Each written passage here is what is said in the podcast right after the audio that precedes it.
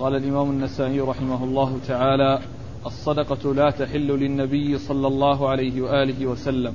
قال أخبرنا زياد بن أيوب قال حدثنا عبد الواحد بن واصل قال حدثنا بهز بن حكيم عن أبيه عن جده رضي الله عنه أنه قال كان النبي صلى الله عليه وآله وسلم إذا أتي بشيء سأل عنه أهدية أم صدقة؟ فإن قيل صدقة لم يأكل وإن قيل هدية بسط يده. بسم الله الرحمن الرحيم. الحمد لله رب العالمين. وصلى الله وسلم وبارك على عبده ورسوله نبينا محمد وعلى آله وأصحابه أجمعين. أما بعد يقول النسائي رحمه الله باب إيش؟ الصدقة لا تحل للنبي صلى الله عليه وسلم. الصدقة لا تحل للنبي صلى الله عليه وسلم. آه سبق أن مر أن الترجمة أن أن الصدقة لا تحل لآل محمد عليه الصلاة والسلام وفي هذه الترجمة أنها لا تحل للنبي صلى الله عليه وسلم. و وقد مر أنها لا تحل لمحمد ولا لآل محمد. وهنا أورد النسائي الحديث الذي يتعلق بالرسول صلى الله عليه وسلم وأنه كان إذا قدم له شيء سأل أهدية أم صدقة فإن قيل صدقة لم يأكل وإن قيل هدية بسط يده يعني بسط يده للأكل لأنه صلى الله عليه وسلم كان يقبل الهدية ولا يأكل الصدقة. صلوات الله وسلامه وبركاته عليه. والصدقة لا تحل لمحمد ولا لآل محمد عليه الصلاة والسلام. وقد مر أنه قال إن الصدقة أوساخ الناس وأنها لا تحل لمحمد ولا لآل محمد. وأما إسناد الحديث فيقول النسائي أخبرنا زياد بن أيوب. أخبرنا زياد بن أيوب وهو ثقة أخرج حديثه البخاري وأبو داود والترمذي والنسائي. عن عبد الواحد بن واصل. عن عبد الواحد بن واصل وهو ثقة أخرج حديثه البخاري وأبو داود والترمذي والنسائي. عن بهز بن حكيم. عن بهز بن حكيم بن معاوية بن حيدة وهو صدوق أخرج حديثه البخاري تعليقا وأصحاب السنن الأربعة. عن أبيه حكيم بن معاوية بن حيدة وهو صدوق أيضا وهو لا بأس به وهي تعادل صدوق وقد أخرج حديثه آه، البخاري تعليقا وأصحاب السنن الأربعة. عن معاوية بن حيدة القشيري صاحب رسول الله صلى الله عليه وسلم وهو وقد أخرج حديثه البخاري تعليقا وأصحاب السنن الأربعة أي أن هؤلاء الثلاثة الذين هم بهز وأبوه حكيم وجده معاوية بن حيدة كل واحد منهم أخرج له البخاري تعليقا وأصحاب السنن الأربعة. صلى الله عليك. حكيم ماذا قالوا فيه؟ حكيم لا بأس به. صدوق مثل مثل صدوق؟ نعم, نعم. صدوق. وصدوق آه، هي مثل لا بأس به. يعني معناه الاثنين كلهم قالوا في صدوق. الاثنين. أي نعم. وحكيم بن معاوية ولد والد بهز صدوق. صدوق. كنت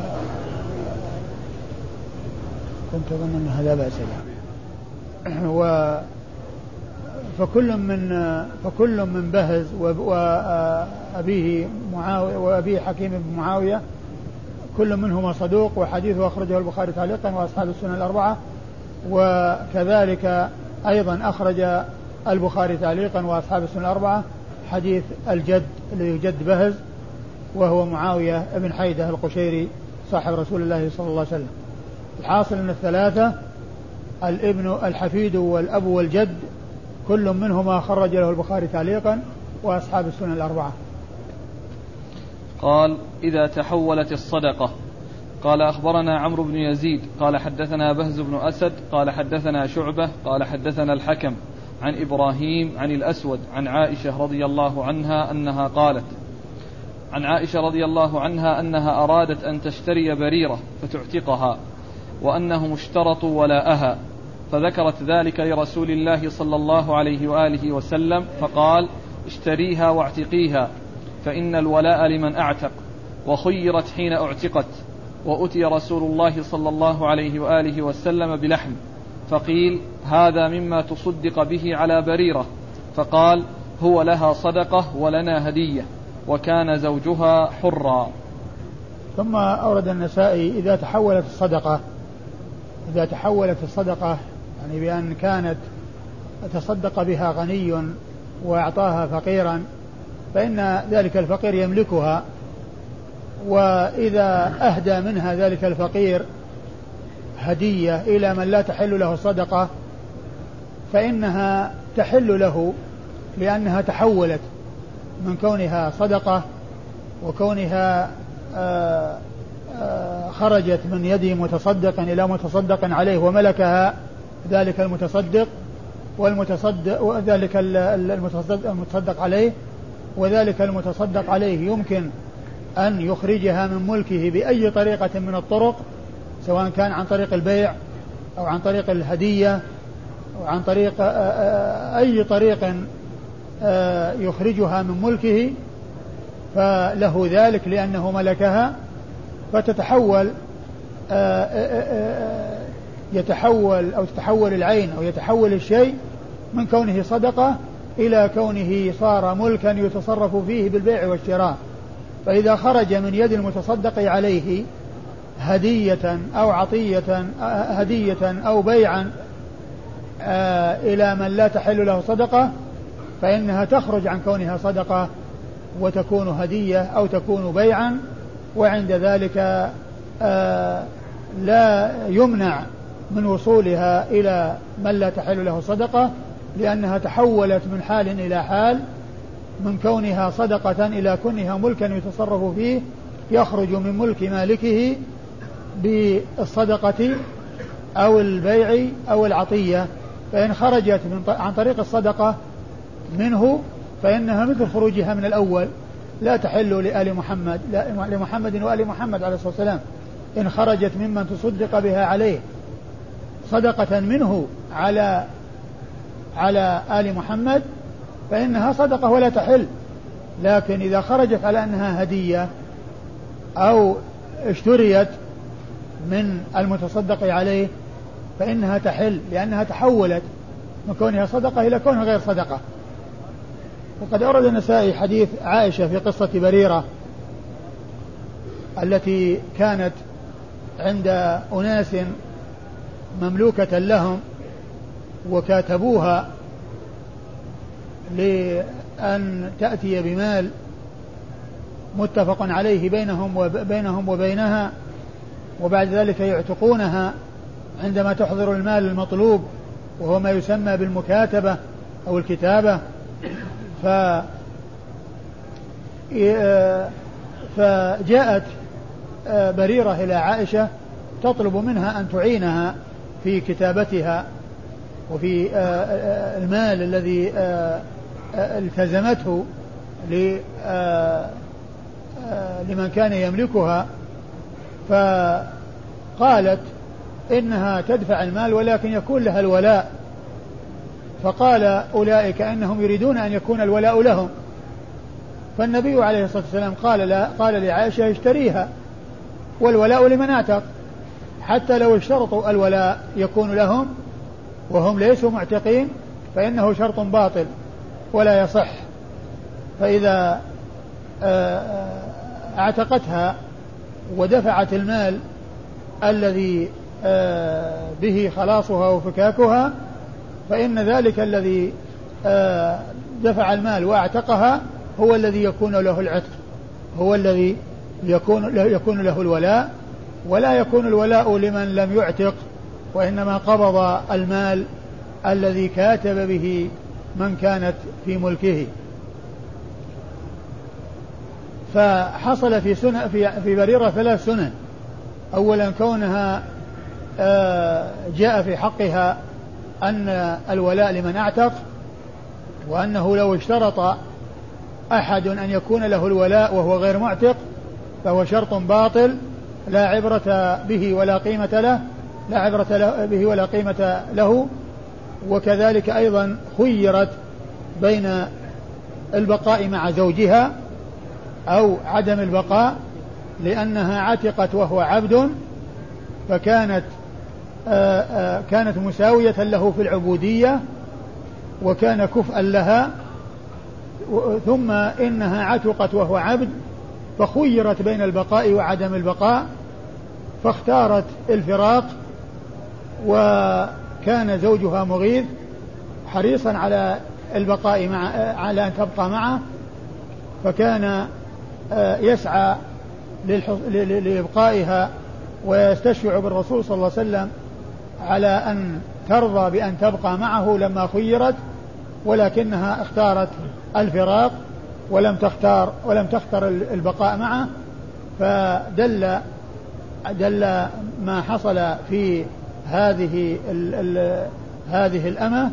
التي اعتقت على أن السنة أو أن الشريعة جاءت بأن الأمة إذا عتقت وهي تحت عبد فإنها مخيرة بين أن تبقى معه استمرارا على النكاح السابق أو أن تفارقه ولا يكون له بها علاقة فاختارت الفراق ولم تختر البقاء.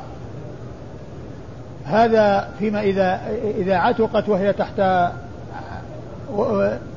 أمة مملوكة تحت عبد مملوك فكانت مساوية له ثم بعد ذلك عتقت فصارت أعلى منه وصارت حرة وهو عبد فهي مخيرة. لكن لو أن حرا تحته أمة وكان متزوجا إياها ومن المعلوم أن الحر له أن يتزوج الأمة بشروط. يعني كونه لا يستطيع آه، مهر حرة وكونه يخاف العنت فإن له أن يتزوج أمة مسلمة.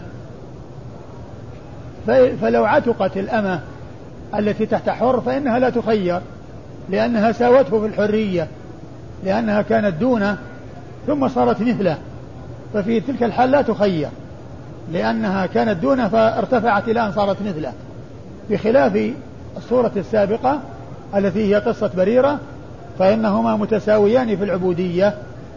وبعد ذلك تميزت عليه وصارت حرة تحت عبد فخيرت بين أن تبقى معه وأن تختار الفراق. فاختارت الفراق. وقد جاء في هذه الرواية التي معنا أنه كان حرا وهذه الرواية ليست محفوظة بل هو عبد كما جاء في أكثر الروايات. وكما ولأن هذا هو الذي يناسب التخيير.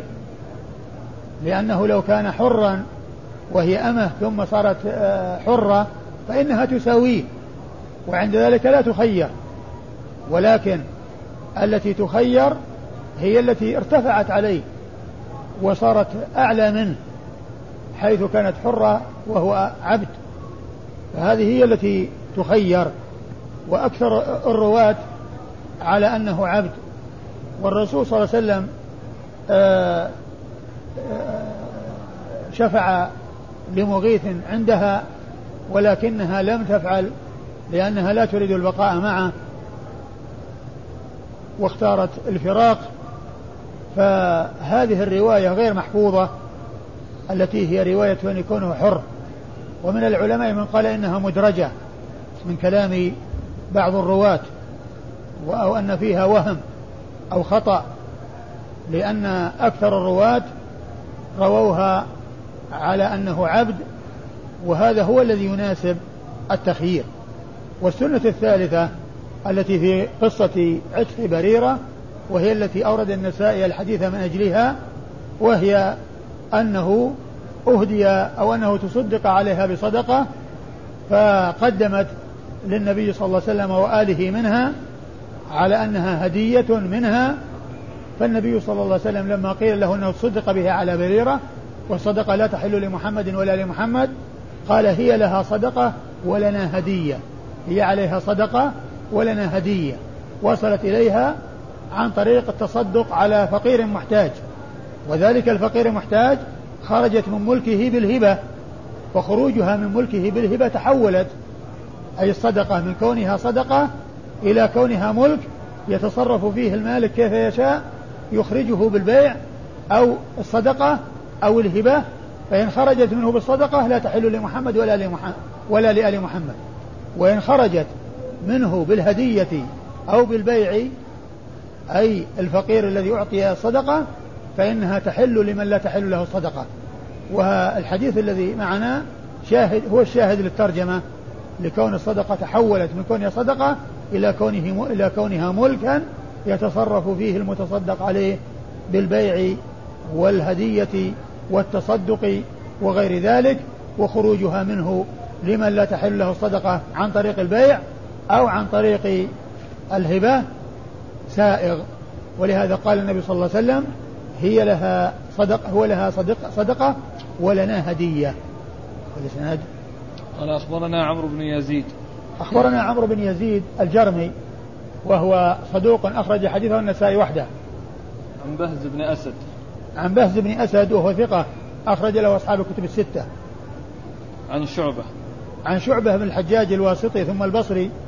وهو ثقة أخرج له أصحاب الكتب الستة وهو ممن وصف بأنه أمير المؤمنين في الحديث. نعم. عن الحكم.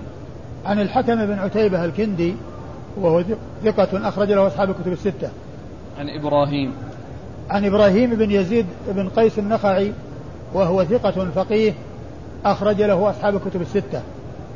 عن الأسود, عن الأسود بن يزيد بن قيس النخعي وهو ثقة مخضرم أخرج حديثه أصحاب الكتب الستة. عن عائشة.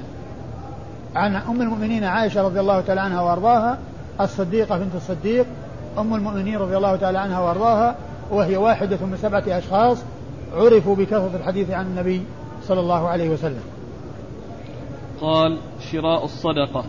قال أخبرنا محمد بن سلمة والحارث بن مسكين قراءة عليه وأنا أسمع.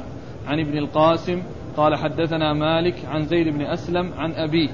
أنه قال سمعت عمر رضي الله عنه يقول حملت على فرس في سبيل الله عز وجل فأضاعه الذي كان عنده وأردت أن أبتاعه منه وظننت أنه بائعه برخص. فسألت عن ذلك رسول فسألت عن ذلك رسول الله صلى الله عليه وآله وسلم فقال لا تشتره وإن أعطاكه بدرهم فإن العائد في صدقته كالكلب يعود في قيئه. ثم ورد النسائي هذه الترجمة وهي شراء الصدقة يعني الإنسان تصدق بصدقة ثم أراد أن يشتريها ممن تصدق به تصدق بها عليه. هل يسوق ذلك أو لا يسوق؟ لا يسوق ذلك لأن النبي عليه الصلاة والسلام نهى عن شراء الصدقة وذلك أن الإنسان أخرجها لله عز وجل وشراؤه إياها يعني آه، أي الصدقة يعني فيه تعلق النفس بها وقد يكون الإنسان يشتريها لرخص ولكونها خرجت منه آه، وهي مرتفعة الثمن وشأنها عظيم عند الله عز وجل لنفاستها ولكثرة ثمنها ثم بعد ذلك يسعى إلى استردادها والحصول عليها بثمن رخيص وبثمن قليل. فأرشد النبي الكريم عليه الصلاة والسلام إلى عدم شرائها ولو باعها برخص. وقد أورد النسائي حديث عمر بن الخطاب رضي الله تعالى عنه وأرضاه أنه حمل على فرس في سبيل الله يعني جعله صدقة ويستخدم في سبيل الله عز وجل وأعطاه إنسانا يعني آه، آه، يستعمله وهو صدقة منه عليه ليستعمله في الجهاد فأضاعه يعني معناه أهمله. ولم يعتني به حتى هزل. هذا هو المقصود بأضاعه. يعني مو أضاعه أنه يعني فقده. لأنه لو فقده يعني ما يكون هناك مجال للشراء لأنه ضايع. يعني مفقود لكنه بيده.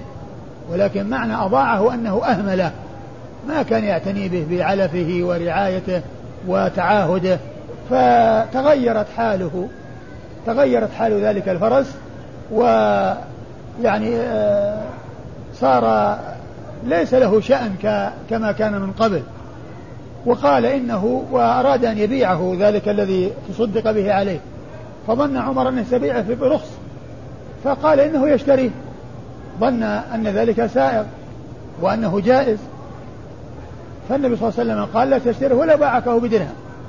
ولو كان أن سعره تافه جدا إلى حد أنه يصير بدرهم واحد مع أنه بالدراهم الكثيرة فلا تشتره ولو باعكه بدرهم. ثم ضرب النبي صلى الله عليه وسلم مثلا للعائد في صدقته بالكلب يقيء فيعود في قيئه وهذا تنفر منه النفوس وتشمئز منه النفوس كون آه، التشبيه بالكلب. وبهذا الوصف لأن لأن الوصف من جهتين ذميمتين كونه في الكلب والكلب ذميم وكونه يقيء ثم يعود في قيئه. يعني فيكون الذي يعود في صدقته كالكلب يقيء ثم يعيد يعود في قيئه. وذلك تنفير وتحذير من هذا الفعل لأن النبي صلى الله عليه وسلم أولا نهى عن الشراء بقوله لا تشتره ولو باعكه بدرهم ثم ضرب مثلا ينفر ويجعل الإنسان يكون بعيدا وحذرا من أن يقع في هذا الشيء الذي هذا شأنه وهذا وصفه. وأما إسناد الحديث فيقول النسائي أخبرنا محمد بن سلمة والحارث بن مسكين قراءة عليه وأنا أسمع. يقول النسائي أخبرنا محمد بن سلمة وهو المرادي المصري وهو ثقة أخرج حديثه مسلم وأبو داود والنسائي وابن ماجه. والنسائي وابن ماجه مسلم وأبو داود والنسائي وابن ماجه. ومحمد بن سلمة هذا هو المصري وهو شيخ النسائي وهناك شخص آخر اسمه محمد بن سلمة وهو ليس من شيوخ النسائي بل من طبقة شيوخ شيوخه. إذا جاء النسائي يروي عنه بواسطة فهو حراني ثقة ولكن هذا الذي معنا هو من طبقة شيوخ النسائي وهو مصري. عن والحارث بن مسكين. والحارث بن مسكين أيضا المصري وهو ثقة أخرج حديثه الترمذي والنسائي الترمذي أبو داود النسائي قال واللفظ له لا إيش؟ نعم. ما في. نعم قال قراءة عليه. قراءة عليه وأنا أسمع. يعني أخذ أخذ عنه بالعرض. يعني كان يقرأ عليه وهو يسمع. وهذا يسمونه التحمل بالعرض. ويقول فيه أخبرنا. عن ابن القاسم. عن ابن القاسم عبد الرحمن بن القاسم صاحب الإمام مالك وهو ثقة فقيه. أخرج حديثه البخاري وأبو داود في المراسيل والنسائي. عن مالك. عن مالك بن أنس بن إمام دار الهجرة المحدث الفقيه الإمام المشهور أحد أصحاب المذاهب الأربعة من مذاهب أهل السنة وحديثه أخرجه أصحاب الكتب الستة. عن زيد بن أسلم. عن زيد بن أسلم المدني العدوي وهو ثقة أخرج حديثه أصحاب الكتب الستة. عن أبيه أسلم العدوي مولى عمر بن الخطاب رضي الله تعالى عنه وهو ثقة أخرج حديثه أصحاب الكتب الستة. عن عمر رضي الله عنه. عن عمر بن الخطاب أمير المؤمنين وثاني الخلفاء الراشدين الهادين المهديين صاحب المناقب الجمة والفضائل الكثيرة آه الذي آه آه حصل في خلافته اتساع رقعة البلاد الإسلامية ودخول أو القضاء على الدولتين العظميين في ذلك الزمان دولة فارس والروم وأخذ آه، كنوزهما أي كنوز قيصر وكسرى وإنفاقها في سبيل الله كما أخبر بذلك الصادق المصدوق عليه الصلاة والسلام وتم ذلك في خلافة عمر وتم إنفاقها وتوزيعها على يد أمير المؤمنين عمر رضي الله تعالى عنه وأرضاه. قال أخبرنا هارون بن إسحاق قال حدثنا عبد الرزاق عن معمر عن الزهري عن سالم بن عبد الله عن أبيه عن عمر رضي الله عنهما أنه حمل على فرس في سبيل الله فرآها تباع فأراد شراءها فقال له النبي صلى الله عليه وآله وسلم لا تعرض في صدقتك. ثم أورد النسائي حديث عمر من طريق أخرى وهو مثل ما تقدم إلا أنه قال لا تعرض في صدقتك. والمقصود أنه لا يعود فيها أو لا يعني لا يعود فيها والعبارة يعني غير واضحة تماما اللي هي كلمة تعرض. والحديث أخرجه الترمذي بهذا الإسناد والمتن إلا أنه قال تعد يعني بدل تعرض. كالرواية التي بعد هذه الرواية عند النسائي بإسناد آخر. لكن نفس الإسناد الذي عند النسائي هنا ونفس المتن عند الترمذي وفيه بدل تعرض تعد. وفيه بدل تعرض تعد. فتعرض هي إما أنها تعد أو أنها يعني آه، فيها شيء. يعني من حيث ال ال آه، يعني ال عدم الضبط. لكن تعد نفس الإسناد جاء فيه هذه الجملة التي هي لا تعد في صدقتك كالجملة التي جاءت عند النساء بعد هذه الجملة بعد بعد هذا الحديث بإسناد آخر وهي بلفظ لا تعد في صدقتك. الإسناد قال أخبرنا هارون بن إسحاق. أخبرنا هارون بن إسحاق الهمداني وهو ثقة أخرج حديثه. وهو وهو, وهو صدوق. وهو صدوق أخرج حديثه. البخاري في جزء القراءة والترمذي والنسائي وابن ماجه. أخرج حديثه البخاري في هو صدوق أخرج حديثه البخاري في جزء القراءة والترمذي والنسائي وابن ماجه. عن عبد الرزاق. عن عبد الرزاق بن همام الصنعاني اليماني ثقة أخرج حديثه أصحاب الكتب الستة.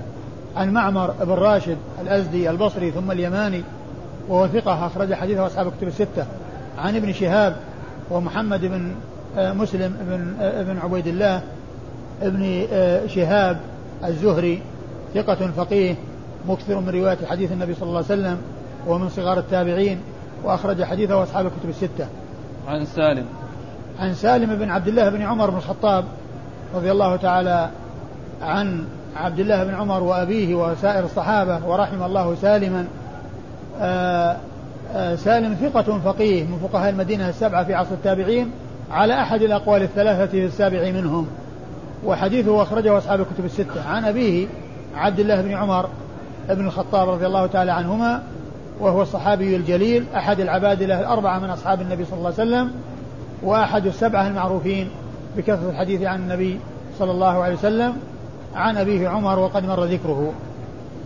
قال أخبرنا محمد بن عبد الله بن المبارك قال حدثنا حجين قال حدثنا الليث عن عقيل عن ابن شهاب عن سالم بن عبد الله أن عبد الله بن عمر رضي الله عنهما كان يحدث أن عمر رضي الله عنه تصدق بفرس في سبيل الله عز وجل فوجدها تباع بعد ذلك فأراد أن يشتريه ثم أتى رسول الله صلى الله عليه وآله وسلم فاستأمره في ذلك فقال رسول الله صلى الله عليه وآله وسلم لا تعد في صدقتك.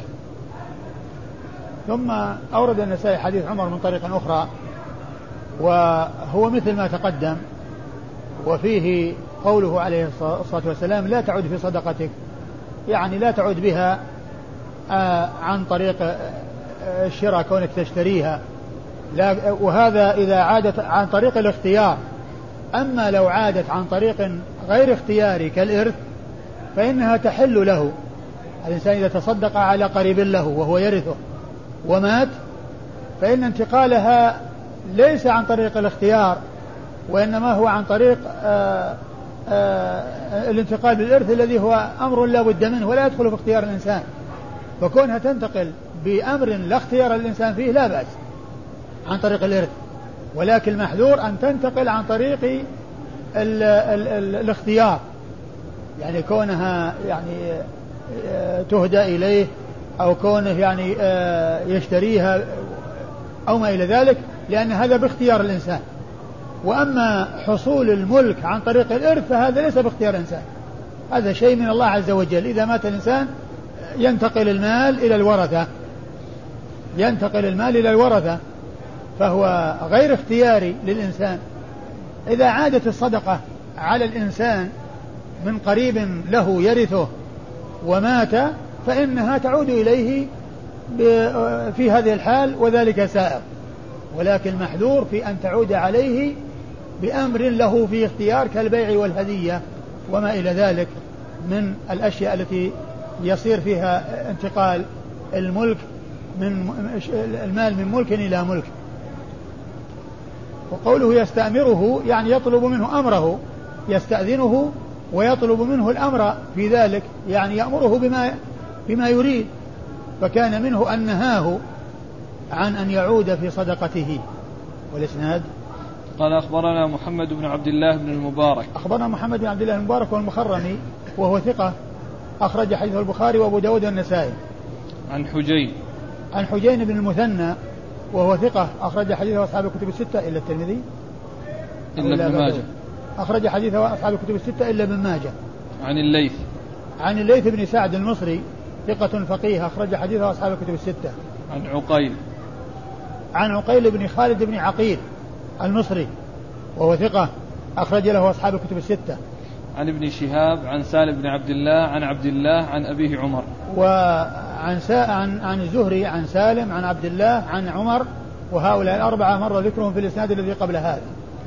قال أخبرنا عمرو بن علي. قال حدثنا بشر ويزيد. قال حدثنا عبد الرحمن بن إسحاق عن الزهري عن سعيد بن المسيب أن رسول الله صلى الله عليه وآله وسلم أمر عتاب بن أسيد أن يخرص العنب فتؤدى زكاته زبيبا كما تؤدى زكاة النخل كما تؤدى زكاة النخل تمرا. ثم ورد النسائي حديث عتاب حديث أثر سعيد بن بن المسيب أن عتاب أن النبي صلى الله عليه وسلم أمر عتاب بن أسيد بأن يخرص العنب زبيب يخرص العنب وتؤدى زكاته زبيبا كما يخرص الرطب وتؤدى زكاته تمرا.